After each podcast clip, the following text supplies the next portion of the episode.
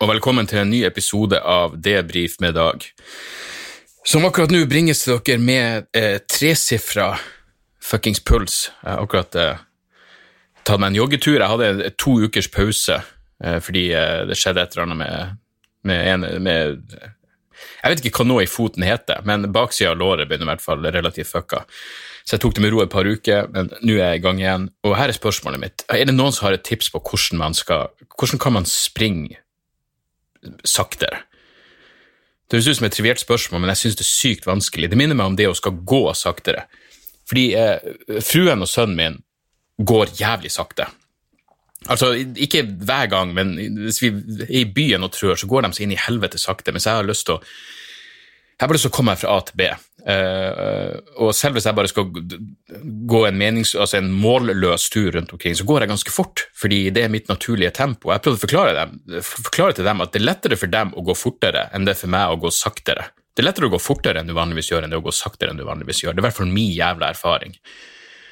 Og det å nå skal uh, springe saktere, for å, fordi jeg har forstått at uh, jeg må holde pulsen i sone to for å forbedre kondisjonen min. Men, nå sprang jeg i 40 minutter, sprang rundt Østensjøvannet videre rundt der. 7,5 km.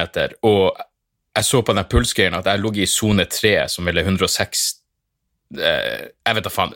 Mellom 160 og 170 i puls. 85% av turen. Eh, fordi jeg er ute av form, og fordi jeg, jeg, jeg klarer ikke å springe saktere. Jeg vet da faen hvordan jeg skal gjøre det. Og hvis jeg roer ned tempoet, så tipper jeg pulsen min går jo ikke ned, så hva faen er poenget? Uansett, eh, hvordan står det til med dere? Jeg håper alt går så jævlig bra. Eh, til eventuelle nye lyttere så hører dere på, eh, på min podkast, som, eh, som, jeg gjør en gang i uka. Og eh, velkommen skal dere være. I går hadde jeg, jeg måtte ta godeste Mortidog med til en legespesialist. Det som har skjedd, er at han har jo den jævla Det som jeg trodde bare var en vanlig oksekukallergi, Eh, men det, det, det, det, forsvinner, og så kommer det tilbake, og det gir ingen mening. Så på mandag var vi hos dyrlegen, og så sier jeg at nødt til å henvise deg videre til en eh, ekspert. Og de har en ekspert eh, på Ensjø, men hun er i high demand, så hun er bare der et par ganger i uka, så det kan bli ganske lang ventetid. Men så sa hun også at det som kan skje med denne typen allergi som Mortidog tydeligvis har, er at han kan gå inn i en slags sjokk.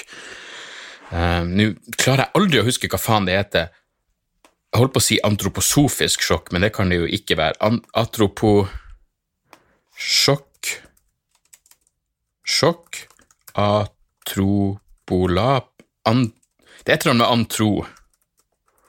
Hvis jeg søker antropolaf Antropologisk sjokk Det, det er ikke noe fuckings kultursjokk! Uansett, dere vet hva jeg mener. Hvis du har allergi, så kan du gå inn i en eller annen eh, sjokktilstand, og det er visstnok en fare. Men vi har medisin vi kan gi oss hvis det skulle skje. Men uansett, vi får bli forberedt på at dette kan bli lang ventetid. Så ringer de faen meg så å si, Vi henviser dere videre, men det kan bli, det kan bli lang ventetid. Um, og så ringer de i løpet av to timer, uh, fordi uh, den ene high demand-eksperten på Ensjø har fått ei avbestilling, så, uh, så, vi kunne komme dagen etterpå. Perfekt. Kommer dit, uh, hun ser på Morty, hun får høre sykdomshistorien hans og hva det er som har foregått, og så sier hun til meg at er nord nordnorsk eh, lege, veldig hyggelig dame. Så sier hun at det er sikkert det siste du vil høre, men Morty Dog er et interessant tilfelle. Jeg, si, jeg, vet ikke om det er det siste jeg vil høre, men det er langt nede på lista. Det jeg vil høre først og fremst, er at han er frisk. Det siste jeg vil høre, er at han er døende.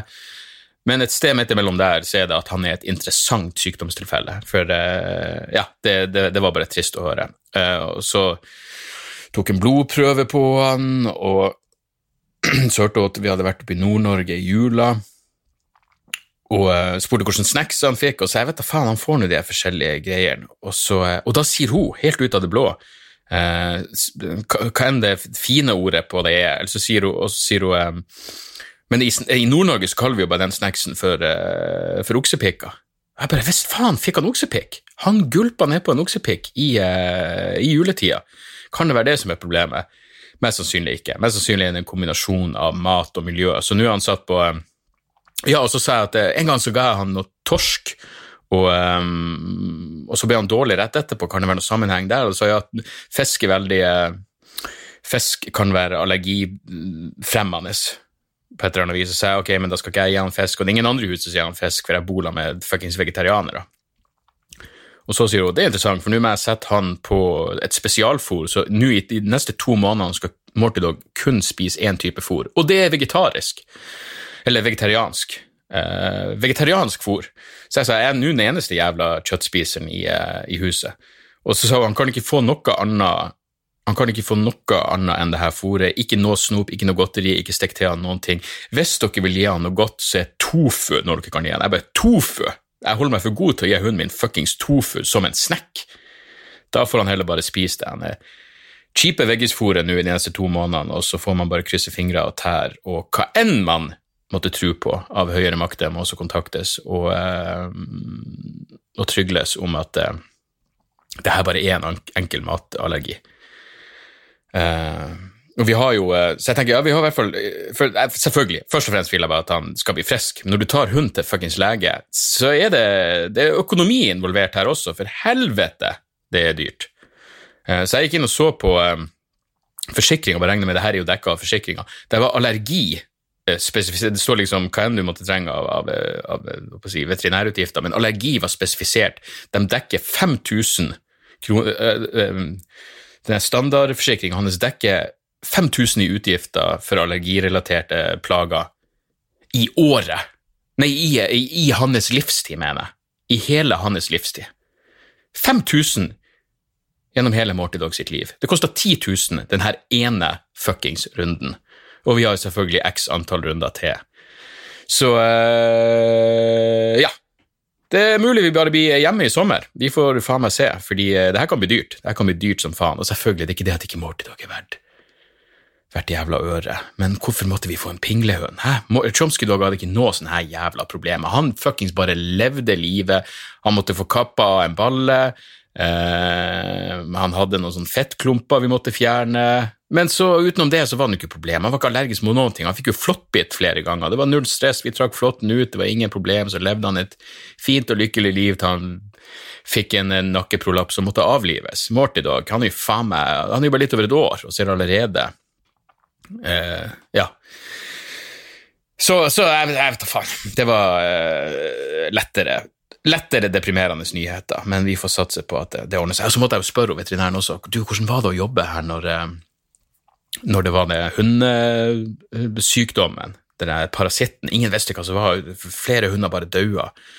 Og sa å, Jesus, du, du, der var det mye interessante telefoner de fikk, fra folk blant annet som kommer, ringer for å gi, gi tips. Ringer veterinæren for å gi tips, og så det kunne være liksom eh, konjakkbrisende Frogner-frue som ringer og bare sier sånn Du, eh, dere burde, burde prøve å gi de hundene som er syke, prøve å gi dem antibiotika. Og Sånn, ja, det har vi jo faen ikke tenkt på. Strålende idé! Det er det 1,3 promille kan gi deg. Fantastiske innsikter, som at antibiotika kunne funke.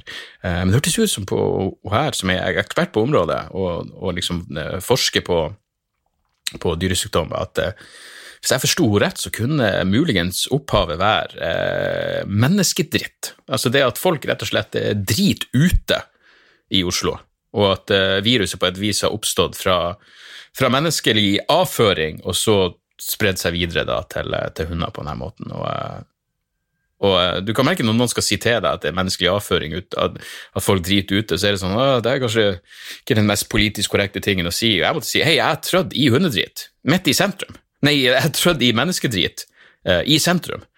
Uh, Nå trødde jeg i menneskedrit fordi jeg skulle pisse i sentrum. Eh, så jeg sneik meg unna en plass i nærheten av Jernbanetorget og uh, trodde jeg hadde funnet det perfekte hjørnet. Det var åpenbart et bra hjørne fordi noen hadde dritt det der tidligere.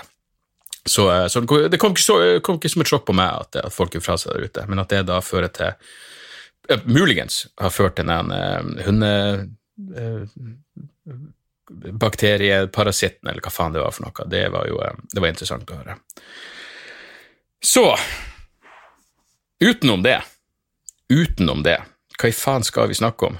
Uh, Trump hatt sin State of the Union. Jeg syns det var litt fascinerende at, uh, at det ser ut som medievinklinga var Altså, hør her, jeg er ikke noe stor Jeg er ikke, sånn, jeg er ikke en tradisjonsbundet person, men jeg er en veldig stor fan av, av helt grunnleggende, om så bare overfladisk høflighet.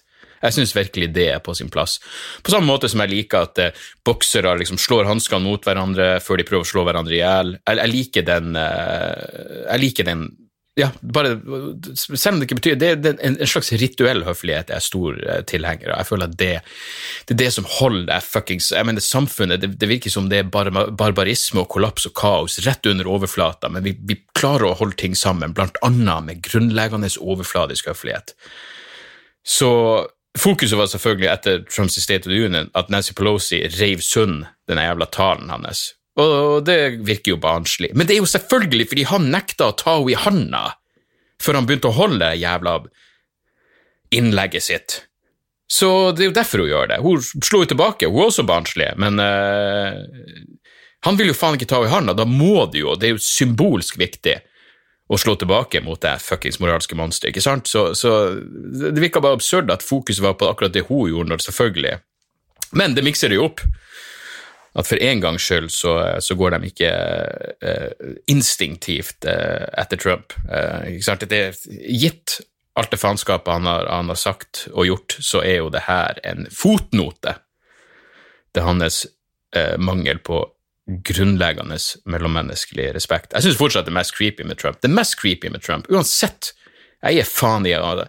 Altså, hva enn hans eh, skiller familier på grensa og og droneangrep på, eh, på, iranske generaler Det verste med Trump er at han ikke flirer. Han er jo, Jeg har sikkert snakka om det her før, men han er jo utvilsomt morsom. Tidvis morsom fyr.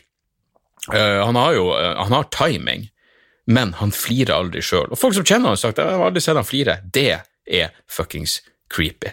Nå husker ikke jeg i American Psycho om Patrick Bateman noen gang flirer, men jeg tror ikke han gjør det. Jeg tror ikke han gjør det. Så det er mulig at Trump ikke vet hvordan, hvordan man skal flire, eller så er det bare det at han er for stolt til å uh, anerkjenne at andre mennesker kan ha noe, noe morsomt å bidra med. Gudene vet. Gudene vet. Så så jeg også i avisa nå at um, uh, Vent, jeg leste en ting i dag som var For det her er greia. Straks man Det er merkelig hvordan når man liksom har sånn uh, Ikke polariserende saker nødvendigvis, men, men i, i, i, Klassekampen i dag så er det en uh, Det her er under meningedelen. Det er et innlegg som heter Livet før livet. Nyere forskning på foster er tydelig. Vi fødes ikke som blanke ark. Og det er for så vidt ganske um, et ganske interessant innlegg om uh, at, de, at, de, forsker på hvordan foster oppfører seg i livmora under utviklinga før, før, det blir født. Og så er det sånn Noe av det virker litt, litt søkt, men uh, fjes, for eksempel her uh, Fjeset til et foster kan skjære små grimaser ved ubehag, f.eks. om mamma tar seg en røyk, eller vise velvære og tilfredshet. Og så skriver han noen greier om eh, tvillingfoster som er klar over at de er to stykker der inne, og at de leker sammen. og, og, eh, og Blant annet her, den her slo meg som litt søk, men og tvillinger har stadig kontakt. Et par som forskere fulgte, strakte, strakte stadig ut armene mot hverandre og klemte hverandre gjennom fosterhinna.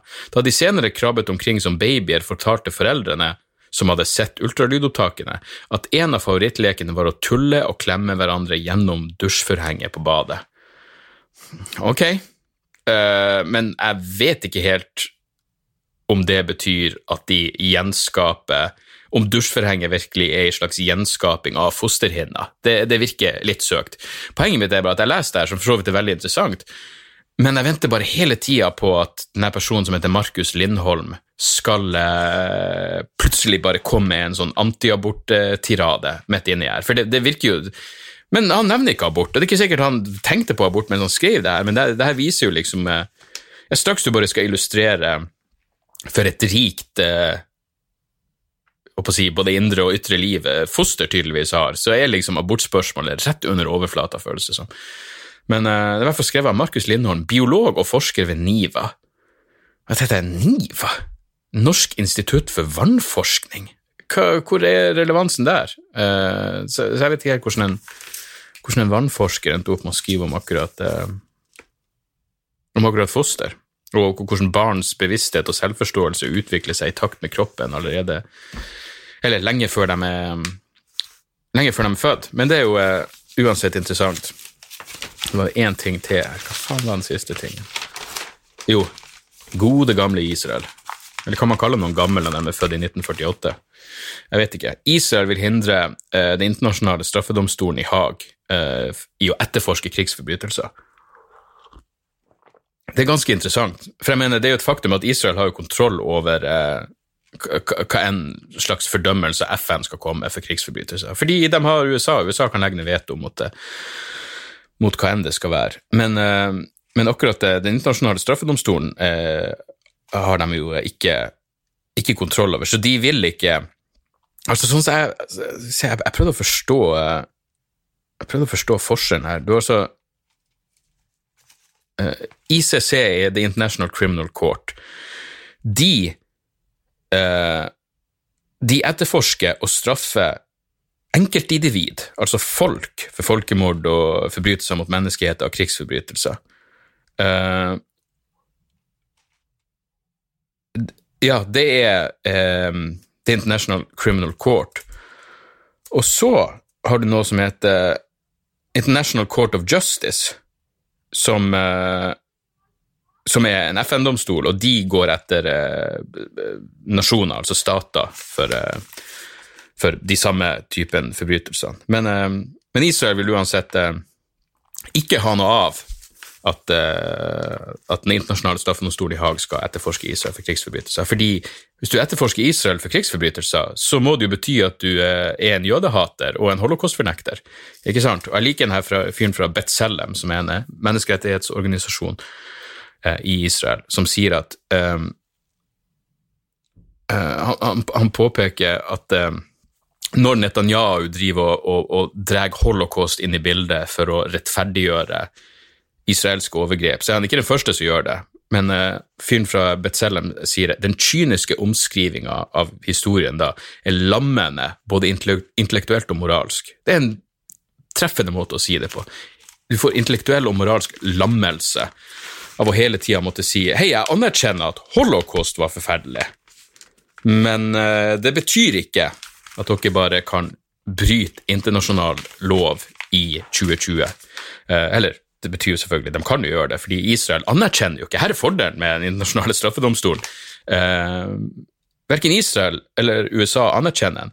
Og jeg husker Da jeg skrev masteroppgaven min om krig mot terror, så skrev jeg om eh, eh, Jeg husker de heter eh, eh, De kalte det eh, altså Haag, The Hague Invasion Act. Egentlig heter det The American Service Members Protection Act. Det var noe som Bush-administrasjonen fikk ned på papiret for å forhindre at, eh, at um, amerikanske militære skulle bli uh, straffeforfulgt for krigsforbrytelser i, uh, i, uh, i, i, krigen mot terror, Afghanistan eller, eller Irak.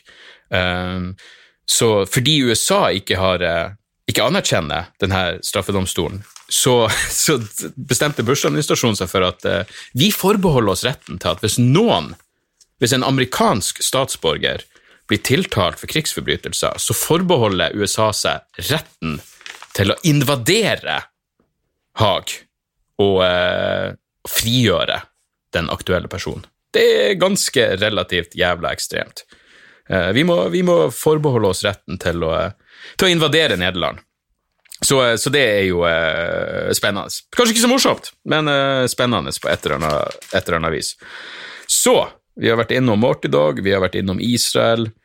Uh, er det noe annet man har gått og uh, man har gått og uh, tenkt på? Det, det, er vel egentlig ikke det. Hva har jeg gjort noe interessant i det siste? Jeg har vel ikke, jeg så The Good Band The Sugly på Rockefeller forrige Morty?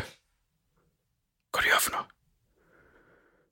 Mortidog Han åler seg frem som om han er lam i forføttene, men det er vel fordi det klør på grunn av den jævla, jævla allergien. Um, ja, uansett, jeg var så The Good Band Søgli på Rockefeller på lørdag, og helvete, det var en av de beste konsertene på jævlig, jævlig lenge. Så sykt kult å se det bandet bli så stor som de er. Utsolgt Rockefeller og uh, strålende stemning hele jævla veien. Det var, uh, ja, det var helt knall. Men fordi jeg fortsatt var en slagen mann etter den crap-helga før der igjen, så, uh, så tok jeg det relativt med ro traff noen kompiser og tok noen øl, men stakk hjem umiddelbart etter konserten. Så, men konserten var så bra at vanligvis så jeg, jeg, jeg vet når det begynner å nærme seg siste låt, så da begynner jeg å bevege meg bak i lokalet, så jeg skal komme meg fort ut. Men Søgli var så jævla fett at det, jeg tenkte ikke engang på at uh, det nærma seg slutten. Selv om de begynte å spille Sett fast i helvete, og det var en encore, så, så, så uh, var jeg fortsatt relativt uh, nært scenen. Storkosa meg. Det var, det var, en helt fuckings nydelig jævla konsert. Så, så sånn er det. ja, som jeg sier, det, det, det, er et par stykker som har maila meg og spurt om jeg skal gjøre det, det Harald Eia sine Sånn er du på Rockefeller 20. februar, tror jeg, på, på Rockefeller. Uh, men det er flere som spør meg om, om det kommer til å bli tatt opp og sendt som en podkast. Jeg har ikke den fjerneste anelse. Dette er ikke mitt arrangement. Jeg er bare gjest, jeg bare møter opp der. Jeg har ikke, jeg har ikke peiling. Hvis dere lurer på om dette kommer til å bli sendt noen plass, så må dere spørre Harald Eia eller noen som jobber med det programmet, for uh, jeg har ingen anelse. Jeg har ingenting med det å, å gjøre. Uh, og så må jeg jo si takk fort, igjen nok en gang for at dere fortsetter å kjøpe billetter til, eh, til vrangforestilling. Uh, det er flere plasser hvor det begynner å bli få billetter nå. Uh, Trondheim, der begynner å bli nærme seg utsolgt. fredagen i Bergen. Og igjen, jeg sa det jo sist gang, folk som bare åpenbart ikke kan lese, hvor det liksom står på plakaten Bodø, og så skriver folk 'Hvorfor kommer du ikke til Bodø?' Jeg bare nå var det en fyr som skrev for jeg, jeg, jeg skrev nok en gang sånn Hei, husk at dette er bare første halvdelen av turneen, og jeg kommer til Ålesund og Haugesund og Stavanger og alt det der eh, til neste år. Og da var det en fyr som skrev Jeg ser du skriver Ålesund og Haugesund og Stavanger, hvorfor skriver du ingenting om Bergen? Det er vel mest sannsynlig fordi Bergen allerede står på plakaten. Ikke bare én, men to ganger. Bergen er det eneste jævla byen som står to ganger på plakaten, fordi jeg gjør eh, to forskjellige kvelder der. Um, så igjen, er det lov å bli oppgitt? Hva, hva, i faen er det som foregår? Hvor raskt går det an å være på avtrykkeren? Hvor, hvor, blind kan du være? Hvordan klarer du å skrive denne setninga til meg hvis du ikke klarer å lese eh, plakaten? Så nok en gang, men det, det, er ikke poenget. Poenget er takk til alle som har, eh, som har investert i en billett. Det, det, setter jeg jævlig stor pris på. Denne uka så er jeg på Jeg skal til Ås på fredag. Studentsamfunnet på Ås og um, ja, jeg skal gjøre et lite Jeg skal teste ut uh, det nye materialet mitt. Og jeg husker faktisk sist gang jeg var på Ås Fuck, det må være lenge siden jeg har vært der, fordi sist gang jeg var på Ås, det husker jeg godt fordi det var uh, dagen etter uh, det der Boston Bomb Skal vi se, når var det der terrorangrepet under Boston Marathon? Skal vi se 2012 2013. Bombeangrepet med Boston Marathon. Fordi jeg husker at jeg hadde vært en eller annen plass 15. april 2013. Ok, da, da sto jeg på uh, Sist gang, da vet jeg at jeg sto på Studentsamfunnet i Ås 16. april 2013, fordi jeg husker at jeg, jeg, jeg kom hjem på natta, og så var det da liveoverføring av denne politijakta. De, de, lagde jo en film av det her med han, eh, Mark Wallberg, som var ganske bra. Men meg, hele Boston ble vel stengt av, og det var et helvetes liv. Eh, og det var jo eh, hvordan jeg CNN eller hva enn det var, hadde jo sånn direktesending av politijakta, og jeg, ble jo, jeg var helt hekta, så jeg satt jo oppe hele natta og, og så på det faenskapet.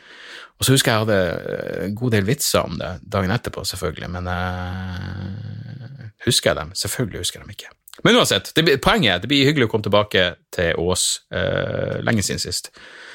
Så, um, så, det ser jeg riktig som eget frem til.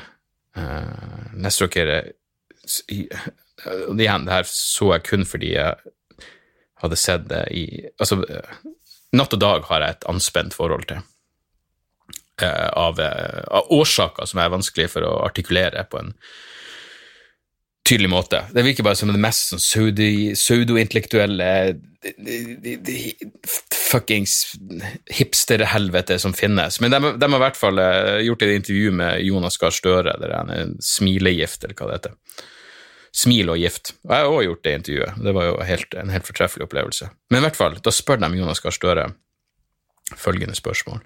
Først spør de hvis du skulle kjøpt hasj av noen på Stortinget, hvem hadde det mest sannsynlig Hvem hadde det vært mest sannsynlig at kunne skaffet det til deg. Ja. Mens vi er inne på velartikulert uh, Hvem skulle kunne skaffe Jonas Gahr Støre? Da svarer han, da sier jeg Jan Bøhler. Og det er jo et bra svar. Uh, så, men så sier, eh, så sier Jonas Gahr Støre men jeg ville ikke kjøpt hasj. Nei, bare så det er, få, få med det, sier han. Og så spør Natt og Dag, hei, det er interessante, hva hvis hasj ble legalisert? Da svarer Støre, det er en hypotetisk problemstilling. Da kommer rådgiveren inn. Da kommer faen meg PR-rådgiveren inn og sier he-he, det kunne du kanskje svart nei på, eller? Hva da? Om du ville kjøpt hasj om det var lov? Jeg har, og så sier Støre, jeg har ikke kjøpt hasj og ikke tenkt å gjøre det heller, så det må du ta med. Se, det her er grunnen til at PR-rådgivere burde bare lines opp og offentlig henrettes. Vi trenger dem, eller bare finn dere en annen jobb. PR-rådgivere forgifter ethvert jævla genuint menneskelig øyeblikk. Og er det noen som trenger å menneskeliggjøres, så er det Jonas Gahr Støre, og da må han slutte å ha med seg de helvetes PR-robotene som skal suge alt som er gøy ut av hver jævla setning. Hva, hva, skulle være kontroversielt med at Jonas Gahr Støre sa hei, hvis hasj ble legalisert og var lovlig, så er det godt mulig at jeg ville tatt meg Det er det godt mulig at jeg ville utnytta det lovlige alternativet. Og det vil være helt ukontroversielt, for da er det lovlig. Ikke sant? Hva faen er problemet med å svare det? Helt jævla utrolig. Jonas Gahr Støre, altså. Kom igjen. Det, det jeg husker, ja, igjen, altså, jeg husker når jeg gjorde det underhusprogrammet på TV2, hvor man, hvor man liksom hadde debatter med politikere.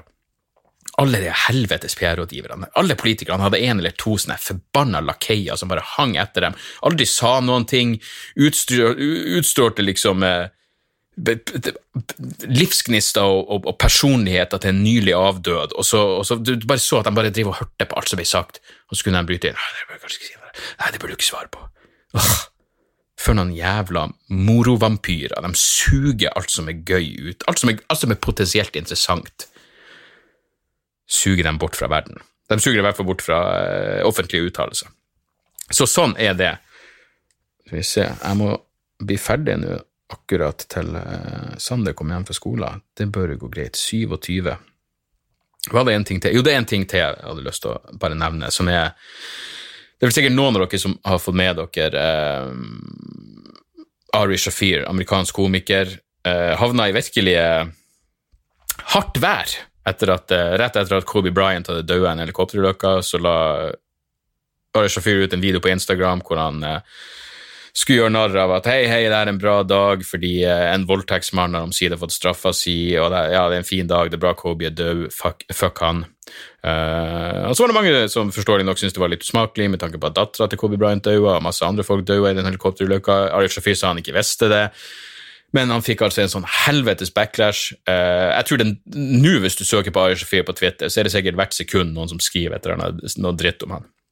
Han skulle filme en Netflix-special nå denne helga. Den er kansellert, han er droppa av managementet sitt.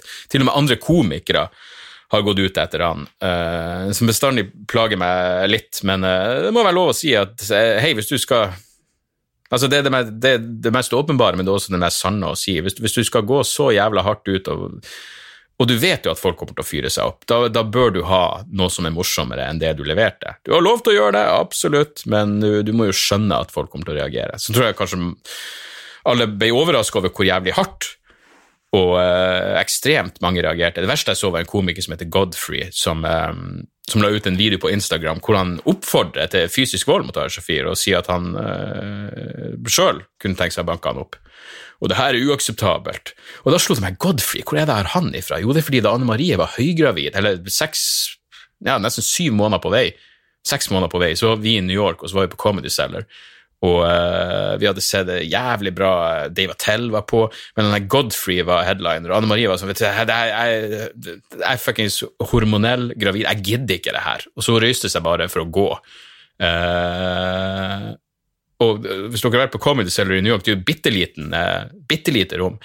Så Godfrey eh, begynte selvfølgelig å si et eller annet, og jeg måtte forsvare dama mi og si eh, hei, beklager, Godfrey, men eh, hun er høygravid og lei, og hun har god humoristisk sans, så, så, vi klarer ikke Vi klarer ikke det her. Uh, Nå skjønner jeg jo at uh, hun var muligens bare synsk, for hun så, hun så for en grusom person den jævla Godfrey må være. Uh, for den videoen han la ut på YouTube, er bare fuckings utilgivelig og uakseptabel. Um, men du så jeg, du hørte jeg at Rogan Og så sa hun at Ari Shafir han er fuckings gal, og ja, det, det der eh, det, han, Selv Rogan, som er en god venn av Ars4, sa jeg vet ikke hvordan han seg, hvordan han skal komme tilbake etter det her. Men eh, det er nå så. Men det fikk meg til å begynne å tenke og gå tilbake til oss Hallo! Du, jeg gjør podkasten, jeg er snart ferdig. Ja, ja, ja, ja gå nå ned og se hvem det er. Se, Morty, gå nå ned og se hvem det er. Det er Morty Er du, er du vakthund nå, når du bare står der og gjør? Gå nå ned og ta tyven, Morty. Uansett, gå nå ned. Um, det fikk meg til å tenke på at Ari Shafir tok jo uh, Hva man si på norsk? Han hadde Altså, her er greia, han skulle gjøre podkasten til en annen komiker som heter Bert Kreischer. Um, og um, Så jeg hadde hørt denne, før, før, jeg sier mer, jeg hadde hørt denne historien, men så så jeg på et eller annet vis når jeg satt og søkte på Ari Shafir på YouTube, bare fordi det var fascinerende å se hva folk hadde å si om han i forbindelse med den Kobe Bryant-uttalelsen, eller vitsen, eller hva faen du skal kalle det, så, um, så eh, kom jeg over et intervju fra en podkast med kona til Bert Kreischer, så hun kom med sin versjon av denne historien. Det som skjedde, at Ari Shafir kommer hjem til Bert Kreischer for å gjøre podkasten hans. Um, og Bert Kreischer gir beskjed hei, i kveld så skal jeg fly på turné, så vi må gjøre denne podkasten, og så skal jeg gå inn og spise middag med familien min, og så skal jeg reise ut på turné. Uh, og de gjør det liksom ut i den mancaven, garasjen til Bert Kreischer. Så Ari Shafir sier til Bert Kreischer men vi må ta en shot først, og så sniker han faen meg rein Molly altså ren ecstasy oppi, eh, oppi drinken til Bert Kreischer. Uten at han vet det, Bert Kreischer drikker den og begynner selvfølgelig å, å trippe etter hvert og freaker helt ut og får et helvetes panikkanfall. Og Ari Shafir syns bare det her er kjempegøy. Selvfølgelig er det gøy. Uh, og uh, det fucker jo jeg mener, så Bert Kreischer må liksom unngå det her via det intervjuet med kona hans. Liksom, han må bare gå og gjemme seg på do. Han kan, sitter bare og tenker hvor lang tid tar denne podkasten? De har sittet der i fem fuckings timer. Hvor lang tid skal denne podkasten vare? Vi skal spise middag. Og så ringer bare gubben fra garasjen og sier jeg er fucked up, du må komme ut der og prate med meg. Så det, det, han er mest opptatt av, er at ungene skal ikke se han sånn, for han har to døtre på jeg vet ikke, 13 og 15 år. eller noe sånt. Han vil ikke at de skal se at han tripper. Det er vanskelig for han å forklare hva som har skjedd. Uh, og Sofie er bare stukket. Han bare syntes det var gøy. Ha-ha-ha, hvorfor ikke? Jeg er en singel mann, jeg er ikke noe familie, jeg skal bare ut på byen, hvorfor faen skal ikke jeg trippe på Molly? Uh, fair enough. Men så, så det blir, her blir da, Han fucker jo opp siste kvelden til Bert Kreischer hjemme med familien, som irriterer meg nå inn i helvete. Bert Kreischer er en helvetes flytur hvor han bare må pimpe sprit for å dempe panikkanfallene, for han tripper jo fortsatt. Uh, og så er både Ayer Shafir og Bert Kreischer på Rogan sin podkast har de driver og pratet om det her, og Ayer Shafir ingen, ingen, ingen, ingen antydning til anger. Han bare syntes det var gøy. bare syntes Det var gøy. Og det, der, det, det, er jo en million ganger verre enn at han missa litt på en vits om Kobe Bryant en time etter at han var daua. Um, bare det, når folk doser deg uten å Altså, som flere har påpekt, du er ikke en fuck, det her, du er ikke på en jævla du er ikke en jævla 18 år gammel student, liksom. Det er ikke, frat, det er ikke et jævla frat-party, det her faenskapet. Det er en voksen mann som har ting å gjøre. Og, og, og, det som provoserer meg mest, er at du har ikke lov til å ta den avgjørelsen på vegne av et annet menneske. Og som dere vet, jeg er for kognitiv frihet. Jeg vil at folk skal ha rett til å kontrollere sin egen eh, bevissthet, eh, om så med kjemisk hjelp. Så hvis Burr Kreischer vil ta Molly, så er jeg null problem med det men du kan ikke snike det i han. Jeg husker jeg hørte et intervju med Stanhope også en gang, hvor Stanhope plutselig begynner å si sånn faen, jeg føler meg litt rar. Og så begynner han i intervjuet bare å flire. Ah, da hadde han også da hadde han ecstasy i drinken hans. Og det er sånn, Hvordan våger du, for faen, din frekke faen? Det her er, det er de neste seks-syv timene av livet. Du vet ikke. Ikke, ikke ta avgjørelser på andre sine vegne når det kommer til hvordan de skal ha det de neste seks-syv timene. Det det, det provoserer meg noe inn i helvete, og det å ikke da bare legge seg langflat og si sorry, virkelig sorry som faen for at jeg gjorde det der. Nei, ikke antydning til anger. Så det Ja, jeg vet ikke. Det, det, var, var, ikke noe moral til den historien, annet enn uh, Ikke fuckings drug folk det er et jævla, et jævla overgrep. Og uakseptabelt! Helt jævla uakseptabelt. Uh, vi rekker ikke noen mailer nå, uh, det får vi ta neste uke, men et par kjappe, kjappe tips. Jeg så Uncut Gems. på Netflix. Dritbra. Men vi visste jo allerede at uh, Adam Sandler er en god skuespiller. Uh, jeg husker jeg så en dokumentar for mange, mange år siden som heter Jeg lurer på om den bare heter Stupidity. Jeg tror den ligger på på YouTube. The Age of Stupid eller Stupidity. I hvert fall, det er masse Noam Chomsky er med, men i hvert fall argumentet i den dokumentaren, hvis jeg husker rett, sikkert ti år siden jeg har sett den, er at eh, fordumming er blitt inn. Antiintellektualisme er liksom et, et, eh, foruroligende, i dette tilfellet amerikansk fenomen. Og så er det sånn, er prakteksempelet på fordumming Adam Sandler? Er han liksom eksemplifiseringa av the age of stupid? Um, og det kan jo så være, men jeg har jo merka at uh, når jeg og Sander skal se komedier sammen, så er det faen meg Adam Sandler-filmer er en stor hit. I hvert fall de gode gamle. det er Happy Gilmore og uh, Big Daddy Nei, når han, er, han er en demon, når han er Satans sønn eller et eller annet og måtte fære tilbake til jord. Det er masse gøye filmer. Det er dritgøy. Men uansett, uh, visste jo allerede at han var en god skuespiller på grunn av uh, Faen heter den, da? Jeg tror han har med Love jeg dere, Helvete! Irriterer meg når jeg faen ikke kommer på det. Men uansett, nå har han den ene Nå er han med i Uncut Gems på Netflix, som var Jeg må bare si The Wedding Singer er jo også dritgøy. Uh, hva var det han spilte i 2009-2010? Oh, Funny People er han jo også dritbra i. Uh, men herregud, det er jo en klassiker. Fifty First Date er jo også Fifty First Dates er jo også gøy. Punch Drunk Love. Punch Drunk Love? Ja, Punch Drunk Love, for faen.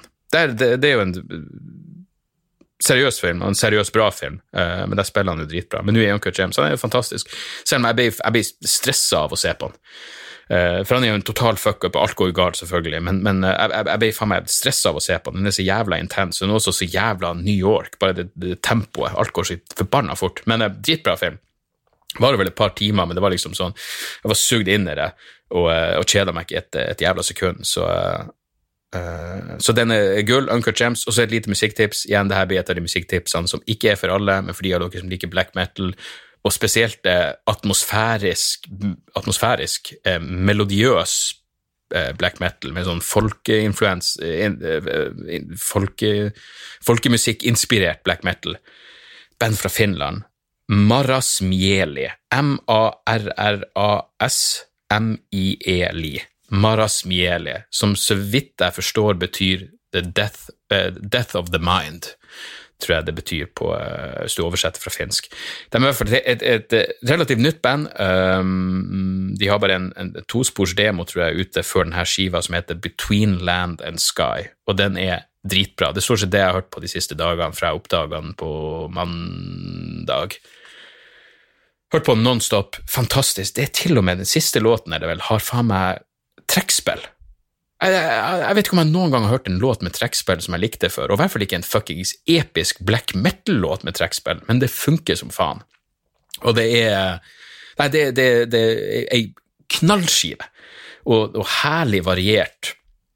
Og uh, ja, igjen, den er, den er, aldri kjedelig, det føles ikke som det er noen unødvendige, overflødiske deler. Alt er bare så jævla på plass, og det er så sykt proft, og det er så du får lyst til å gå tur i skogen av å høre på denne skiva. Så Maras Mieli, Between Land and Sky, anbefales på det fuckings varmeste. Det var, eh, det var dagens podkast. Pulsen min er nå nede i 97, så det er jo noe, men uh, det føles som det her gikk unna. Det, her var virkelig all over the place, det tror jeg vi kan slå fast, men, uh, men sånn er det av og til. Det er der hodet mitt er akkurat nå. Vi høres igjen neste uke. Sjekk ut eh, eh dagsoras.com slash hvor for, eh, for turnédatoer for vrangforestilling, eller gå på feelgoodistage.no og søk under forestillinger, finner dere egen side kun for vrangforestilling. Um, mailer, jeg skal ta noen mailer neste uke. Hvis dere har noe innspill, debrifpodkast uh, at gmail.com. Og så, så høres vi igjen neste uke. Eh, ta vare på dere sjøl og hold pulsen under, under, eh, under kontroll. Tjo og hei!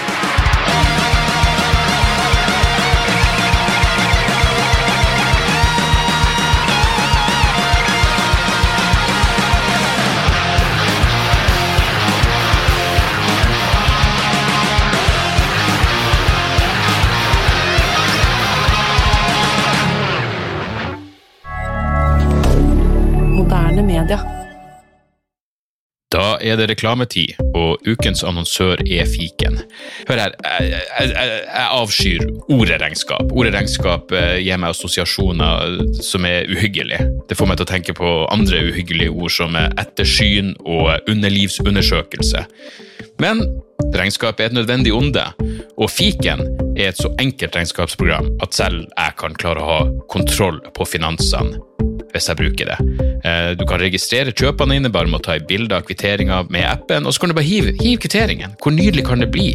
Og Fiken forholder seg også til regnskap med overkommelige ord. Det er ikke masse overkomplisert økonomisk terminologi. De kaller det kjøp og salg i stedet for hva enn de kaller det på BI. Og du kan, eh, du kan få fiken til å sende purringen dine, sånn at du slipper å gjøre det sjøl. Slipper du de der flaue øyeblikkene hvor du må skrive 'unnskyld meg, men det står noe utestående her, kan du fikse det fortest mulig', eller må jeg sende, sende mafiaen etter deg? Nei, fiken fikser det der, så kan du skylde på algoritmene. Du slipper dårlig stemning. Jeg syns det er utrolig greit å slippe å styre med sånne ting sjøl, og nå kan du prøve fiken gratis i 30 dager. Hva, hva har du å tape? Bokstavelig talt ingen verdens ting. Så gå inn på fiken.no og prøv fiken gratis i 30 dager. Ok? Det var ikke så vanskelig.